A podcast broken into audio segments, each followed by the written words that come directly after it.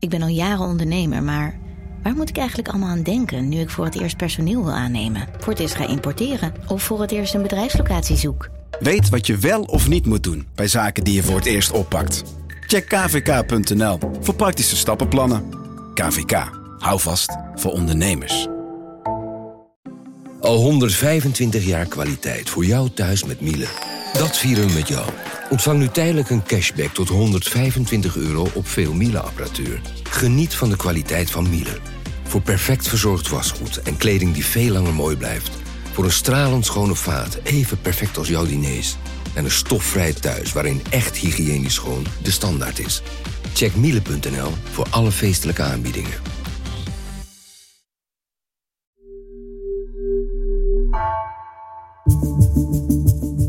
Vanaf de redactie van NRC het verhaal van vandaag. Mijn naam is Egbert Kalsen.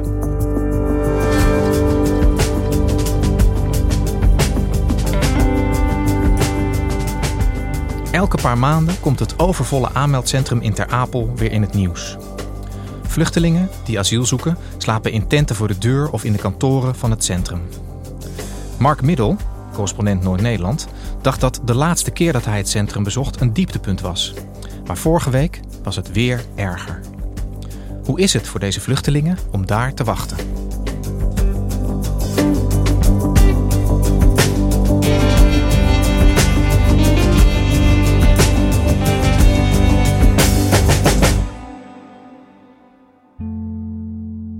Vorige week dinsdag, op de heetste dag van het jaar, was ik in Ter Apel. En daar zag ik honderden mensen zitten in de schaduw.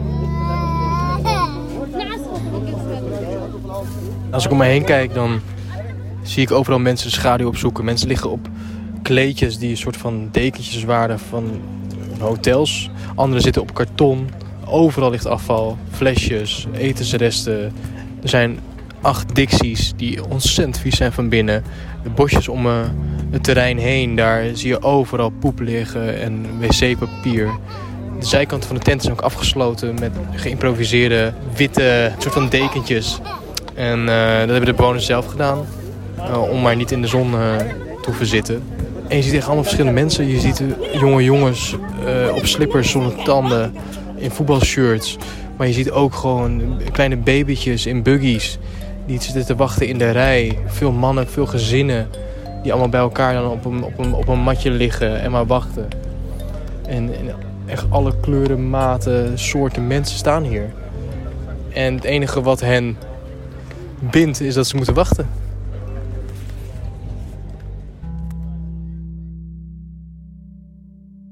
Mark, jij uh, beschrijft de situatie daar bij het aanmeldcentrum. Uh, schrijnend, uh, denk ik dat we wel kunnen zeggen. Je bent er al een aantal keren eerder geweest op diezelfde plek. Wat was er deze keer anders dan de eerdere keren dat jij daar was? Nou, het is al een jaar eigenlijk overvol in het aanmeldcentrum in Ter Apel. Want je ziet dat sinds corona de toestroom van vluchtelingen toeneemt. En de uitstroom die stokt omdat alle asielzoekerscentra die zitten vol. En gemeenten die regelen niet meer opvang. En afgelopen jaar zijn er eigenlijk drie momenten geweest dat het helemaal vol liep in Ter Apel. De eerste was in oktober. Toen er allemaal tenten op het terrein stonden waar honderden mensen sliepen. De GGD ging daar controleren en daaruit bleek dat het nou eigenlijk niet kon wat daar gebeurde.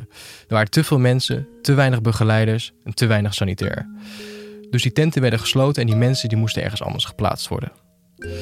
Daarna, in het voorjaar, stroomde Trapel weer vol. En mensen moesten nu gaan overnachten op de kantoren. En zij sliepen letterlijk gewoon op de grond in wachtruimtes of op kantoormeubilair zoals kantoorstoelen. Maar dat was ook niet meer houdbaar, want ja, dat is natuurlijk ook geen normale opvangplek. En nu zijn we in juli, hartje zomer, en zie je dat er honderden mensen buiten moeten slapen. En ik sprak zelfs mensen die daar gewoon al dagen buiten sliepen. En did you sleep outside as well? Yeah, I did. Yeah. For how many days? For six days, I guess. Six, six days. nights. Yeah. En die mensen die, uh, die nu in Ter Apel zijn, Mark, hoe, hoe beleven die dat daar? Hoe is het voor hen om daar zo lang te moeten wachten? Ja, dus wat je ziet, het is een heel groot soort van industrieterrein met alleen maar hekken daarvoor. Daar zijn een paar luifeltenten geplaatst tegen de, het zonlicht, zodat mensen toch in de schaduw kunnen liggen. En al die mensen die zijn de hele tijd naar de poort aan het kijken. En dat gaat dus echt niet om tientallen, maar honderden mensen die aan het wachten zijn. En ik zag daar onder de bomen in de schaduw drie Turkse jongens. You're all from Turkey? Yes. Oh, From Turkey. Of from Turkey, yeah. Yes. You knew each other before or you no. just met here? Yeah, just met here. En hen ben ik een hele week gaan volgen. En jij zegt Turkse jongens die je daar gesproken hebt. Is Turkije dan zo'n eh, zo'n onveilig land dat die mensen hier naartoe moeten om asiel de- aan te vragen? Nou, bij Turkije zullen heel veel mensen denken dat het een eh, vakantieland is. Maar voor heel veel Turken is het een onveilig land. Vooral door de politieke situatie. Vooral Koerden. En mensen die bij de oppositie horen, die vluchten veelal. Eh en het is nu de tweede grootste groep die naar Nederland vlucht. En jij hebt drie van die eh, Turkse mannen ontmoet daar. Kan je eens vertellen, wie zijn dat? Ja, twee waren student. En één was een vrachtwagenchauffeur die een eh, klein beetje Nederlands eh, sprak. Omdat hij twintig jaar geleden hier eh, had gewerkt. En een van die jongens eh, die echt goed Engels kon, dat was Frat. My name is Frat. We came here yesterday. I came here from Greece. It has been like nine months. I had to escape because of the political reasons. Frat kwam vorige week maandag aan in Te Apel. Nadat hij drie dagen achterin de vrachtwagen had gezeten vanuit Griekenland. Hij was namelijk gevlucht en had geen paspoort bij zich. Dus moest hij op een of andere manier toch hier komen. Hij kon niet vliegen of zomaar met de trein. En hij is gevlucht omdat hij als student jaren geleden eh, had gedemonstreerd bij pro-Koerdische demonstraties tegen de oorlog in Syrië. Later ook eh, eh, voor de homorechten had gedemonstreerd. En toen werd hij dus gezien als vijand in het land en is hij opgepakt en heeft hij maanden in de cel gezeten. And yeah, they said you support to terrorist organization. En toen hij maandag aankwam in Ter Apel, kwam hij eerst door de eerste check. Dus dan moet je je vingerafdrukken afgeven, er wordt een foto van je gemaakt, je naam wordt genoteerd en je krijgt een vreemdelingennummer. Maar nu was hij buiten weer aan het wachten omdat hij eh, nog een gesprek moest voeren met de vreemdelingenpolitie. Die gingen checken of hij geen gevaarlijk persoon is voor Nederland. En om een asielaanvraag te doen bij de Immigratie- en Naturalisatiedienst, dus de IND. Pas dan heeft hij recht op leefgeld, zorg en dan kan hij dus echt naar een, een asielzoekerscentrum geplaatst worden. Maar tot die tijd kan hij niet zoveel, want hij heeft nog geen asielaanvraag kunnen doen. En daar loopt het op dit moment vast. But we are waiting for two two days. They don't want you to get into because according to them it's full all of refugee, you know. Dus Frat die had eh, de eerste horde genomen, die had zich eh, geregistreerd. En, en hoe ging het toen verder? Nou, in principe verliep het toen heel erg mooi, want hij werd meteen op een bus gezet en hij zou ergens kunnen gaan slapen. Hij moest ongeveer een half uurtje met de bus rijden en hij kwam aan bij Hotel Van der Valk in Zuidbroek. En hij dacht, wauw. When I saw when I saw the hotel, oh my god, it was unexpected. Come on, we're gonna stay in a hotel, in a real hotel. Maar de bus die stopte niet bij het hotel, maar reed nog een stukje door naar de sporthal daarachter. En daar stonden 100 veldbedjes klaar voor de asielzoekers die op dat moment zich hadden geregistreerd. En de volgende ochtend werd hij om 8 uur 's ochtends alweer afgezet in Ter Apel. En daar ontmoette ik hem dus, buiten voor de poorten die gesloten waren, omdat hij dus moest wachten op die gesprekken.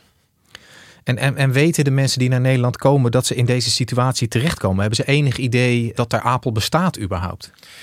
Nee, de meeste mensen weten niet eens waar Ter Apel ligt en hebben nog nooit van Ter Apel eh, gehoord. Maar zodra ze er zijn, eh, hoor je niks anders dan Ter Apel, Ter Apel, Ter Apel. Dus dan weten ze wel dat ze daar, daar ja, moeten eh, zijn. Wat zij verwachten is dat het in Nederland in ieder geval goed geregeld is. Ze denken van, ik vraag asiel aan. Nederland is een goed en fijn land. zorgt goed voor de mensen. Je krijgt onderdak, eten en je kan een asielaanvraag doen. Maar ja, komen ze in Ter Apel aan, het loopt gewoon helemaal vast. This is unfair. Yeah. First of all, Yeah. it really seems very difficult. Uh, I mean, at least I thought I could find a place, you know, to stay for my process. You know? Yes, this is really unexpected. En eh Frat die zat daar eh, dus te wachten in afwachting van zijn gesprek. Hoe is het in zijn geval verder gegaan, weet je dat? Nou, hij heeft de hele middag moeten wachten en toen s'avonds stonden er opeens allemaal bussen klaar. Het is nu eh, twee voor zeven op dinsdagavond. Er staan twee bussen klaar en COA-medewerkers die proberen aan de mensen hier te vertellen dat als ze met de bus nu weggaan, eh, dat ze dan een bed krijgen en dat ze dan ergens vanavond kunnen overnachten. Maar Frat vertelde van ja, ik ga niet mee met die bus. And we have to stay here. We shouldn't go away because really we don't know. We can lose uh, our uh, our chance. Yeah. This is why we want to wait here. Want hij had gehoord van andere mensen die daar al dagen, weken aan het wachten waren, dat als je meegaat met de bus, dat je dan je kans op een gesprek mist. Dus uh, waar heel veel mensen bang voor zijn, is dat ze dan meegenomen worden naar een slaapplek, bijvoorbeeld in Limburg of in Zeeland. En dat ze dan de volgende dag of de volgende week weer teruggebracht worden. En dan sluiten ze weer aan achteraan in de rij. We have to be aware so that we can check the gates. Because, like I said, they're choosing the people randomly. Yeah. You don't know uh, when they will choose you. En is dat een terechte angst die hij had? Uh, sta je dan inderdaad weer achteraan in die rij? Nou, wat je ziet is dat het dus een totale chaos is daarbuiten. Het COA, de organisatie die asielzoekers moet opvangen, die probeert de mensen in de bus te krijgen naar noodopvang. Maar het lukt ze niet om mensen zomaar in die bussen te krijgen. Want wat je buiten de poorten ziet is dat er eigenlijk geen systeem is. Het is niet dat je een nummertje uh, kan trekken en dat je weet wanneer je aan de beurt bent voor een gesprek. Er zijn namelijk allemaal verschillende trajecten. Dus je hebt gezinnen die gaan voor op mannen. Maar uh, minderjarige jongeren gaan weer voor op gezinnen. En zo zijn er nog heel veel andere trajecten. En ook het COA zegt van ja, er zijn zoveel verschillende trajecten in Nederland. Zij weten ook niet wie ze wanneer moeten kiezen. Dus het is een soort van ja, bijna onwerkbaar systeem. Waardoor er een willekeur ontstaat. En uh, mensen zien buiten die poorten dat er af en toe wel mensen naar binnen mogen. Maar ze weten niet waarom en wanneer. Dus dat is ook de reden waarom Frat en zijn twee lotgenoten die avond zeiden van... wij gaan absoluut niet mee met de bus, wij wachten hier wel. En ze waren niet de enige. Want dinsdagavond in Ter Apel bleven er ongeveer 250 tot 350 mensen buiten slapen. En gingen die twee bussen leeg weg.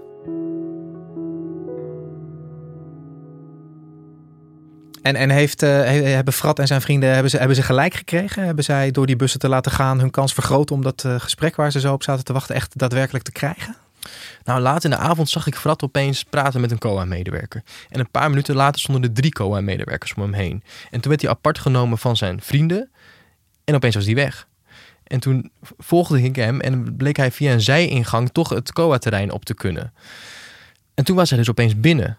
En pas s'avonds laat appte hij mij. En zei hij, I'm okay, but I don't know what will happen tomorrow. Het was voor hem totaal onduidelijk wanneer hij nou een gesprek zou krijgen, hoe lang hij daar kon blijven en wat er verder zou gaan gebeuren. En zijn die twee andere mannen zijn die uiteindelijk ook wel binnengekomen? Zijn twee lotgenoten die moesten die avond buiten blijven slapen. Want zij spraken niet zo goed Engels. Zij konden zich niet zo goed uitdrukken. En stonden ook niet de hele tijd vooraan bij de COA-medewerkers om hun situatie te vertellen. Dus dan zie je toch dat het heel willekeurig verloopt daar. Maar de volgende dag zou het gaan regenen. Dus toen werd er echt op aangedrongen van jongens, ga nou alsjeblieft met de bus naar een opvangplek. En de vrachtwagenchauffeur die heeft uiteindelijk eieren voor zijn geld gekozen. Die is om zes uur vertrokken met de bus op woensdag en is uiteindelijk in Almere in een brandweerkazerne beland. Maar Omer, de andere student, die zei van ja, ik wil mijn kans niet uitschieten. Ik zie dat toch steeds mensen naar binnen gaan. Dus als ik hier blijf wachten, ja, dan heb ik nog steeds een kans dat ik ook naar binnen mag. En uiteindelijk is hij heel laat in de avond, mocht hij ook naar binnen. Maar niet naar de plek waar Frat was, maar naar de nachtopvang van de IND. En eigenlijk sliep hij dus gewoon in de wachtruimte op de grond en er werd hem wel een dekentje gegeven. En s ochtends om acht uur werd hij weer naar buiten geplaatst en moest hij weer buiten gaan wachten. En op donderdag weer hetzelfde verhaal. Hij wachtte de hele dag buiten en uiteindelijk pas laat in de avond mocht hij weer binnen, weer in het kantoor van de IND. En werd hij vrijdag weer naar buiten geplaatst. Mark, je hebt, uh, je hebt uh, vorige week dus echt twee hele dagen daar doorgebracht bij dat centrum. Uh, om de situatie goed te kunnen bekijken. Nou, door de ogen eigenlijk van, van die drie mannen. Wat, wat zegt dit jou nou als je daar zo hebt rondgelopen? Wat, wat zegt dit over de manier waarop wij die mensen opvangen?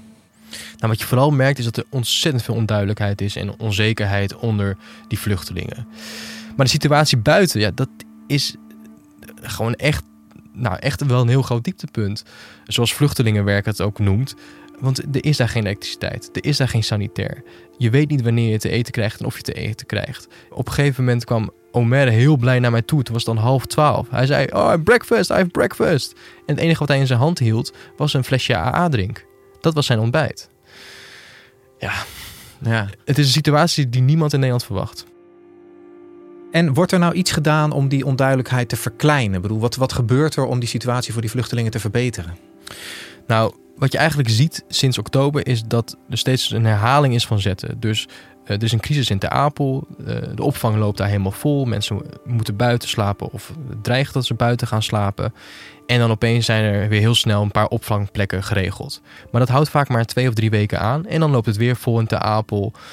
En dan wordt er weer gepraat en dan zijn er weer kortstondige oplossingen. Maar structureel verandert er eigenlijk niks. En je ziet dus dat na oktober, na het voorjaar, we nu in een situatie zijn die eigenlijk nog veel erger is dan we toen hadden kunnen voorzien. Dus op papier is er vaak heel veel heel goed geregeld. Maar in de praktijk zie je dat het toch niet lukt. En, en die, uh, die papieren daadkracht, die, uh, die, die zie je ook volgens mij terug in de, in de landelijke politiek. Je zijn juist de afgelopen weken regent het weer voorstellen om dit probleem op te lossen. Hoe, hoe kijk jij daar tegenaan? Eerst zien dan geloven. Uh, nee, wat je gewoon ziet, kijk, er wordt al vijf of zes jaar gesproken over een tweede aanmeldcentrum. Zodat de last bij Ter Apel een beetje weggenomen wordt. En dat er ook op andere plekken in Nederland mensen zich kunnen aanmelden. Dat zou heel erg helpen. Dat komt maar niet van de grond grote opvanglocaties wordt al heel lang over gesproken. We hebben het nu opeens over cruiseschepen. Maar de problemen in, in Ter Apel die zijn er nu. Er zijn nu mensen die buiten daar moeten slapen. Dus ja, um, er wordt veel gepraat, maar er wordt weinig echt geregeld.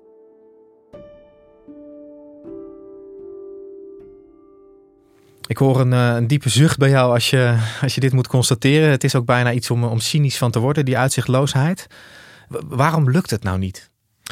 Nou, de gemeente Westerwolde, waar de Apel in ligt, die heeft een streep getrokken. Die zegt van, er mogen maximaal aantal asielzoekers opgevangen worden in Ter Apel en daar houden het erbij.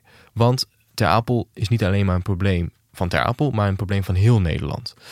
Daarom probeert de staatssecretaris al maandenlang om een gemeente te verleiden om daar asielzoekers op te vangen. Alleen het probleem van staatssecretaris Erik van den Burg is dat hij geen dwangmiddelen heeft om gemeenten dus uh, nou, te dwingen om asielzoekers op te vangen. Dus komt het neer op solidariteit. En doet iedereen een beroep op de solidariteit van andere gemeenten. Maar die blijft weer achter. Niet alle gemeenten willen asielzoekers opvangen. En dus concludeert zelfs de staatssecretaris dat de problemen in Ter Apel waarschijnlijk nog weken tot misschien wel maanden zullen aanhouden. Hoe, hoe is dat in het geval van, uh, van Frat verder gegaan? Heb jij hem nog gesproken nadat hij dat gesprek heeft gehad en binnen de deuren van het aanmeldcentrum eh, terecht was gekomen? Fratty mocht de hele week binnen blijven. En op vrijdagochtend had hij eindelijk zijn gesprek bij de Vreemdelingenpolitie en de IND. Dat betekent dat hij dus de eerste horde heeft genomen en hij heeft nu officieel een asielstatus. Maar vrijdag moest hij weer naar buiten en moest hij weer wachten. En hij wist niet waarop, maar het bleek uiteindelijk dat hij weer moest wachten op een bus om nu naar Budel te gaan, helemaal in het zuiden van het land. Waar hij uiteindelijk gewoon kan wachten totdat zijn eh, asielstatus wordt gehonoreerd of niet. Maar die andere twee, die wachten nog. De vrachtwagenchauffeur die zit nog steeds in de brandweerkazerne in Almere. En nou ja, die is dus ook aan het wachten nog steeds op wanneer die nou eindelijk een afspraak heeft voor een gesprek. En Omer, die wacht nog steeds buiten.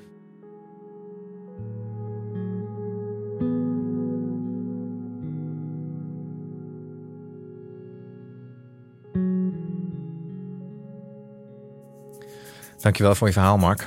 Dankjewel.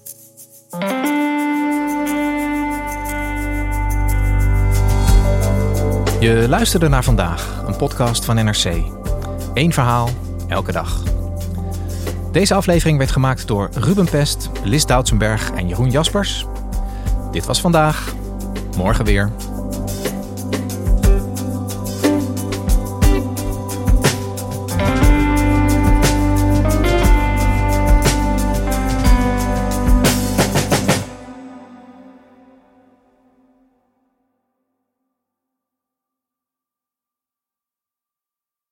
Technologie lijkt tegenwoordig het antwoord op iedere uitdaging.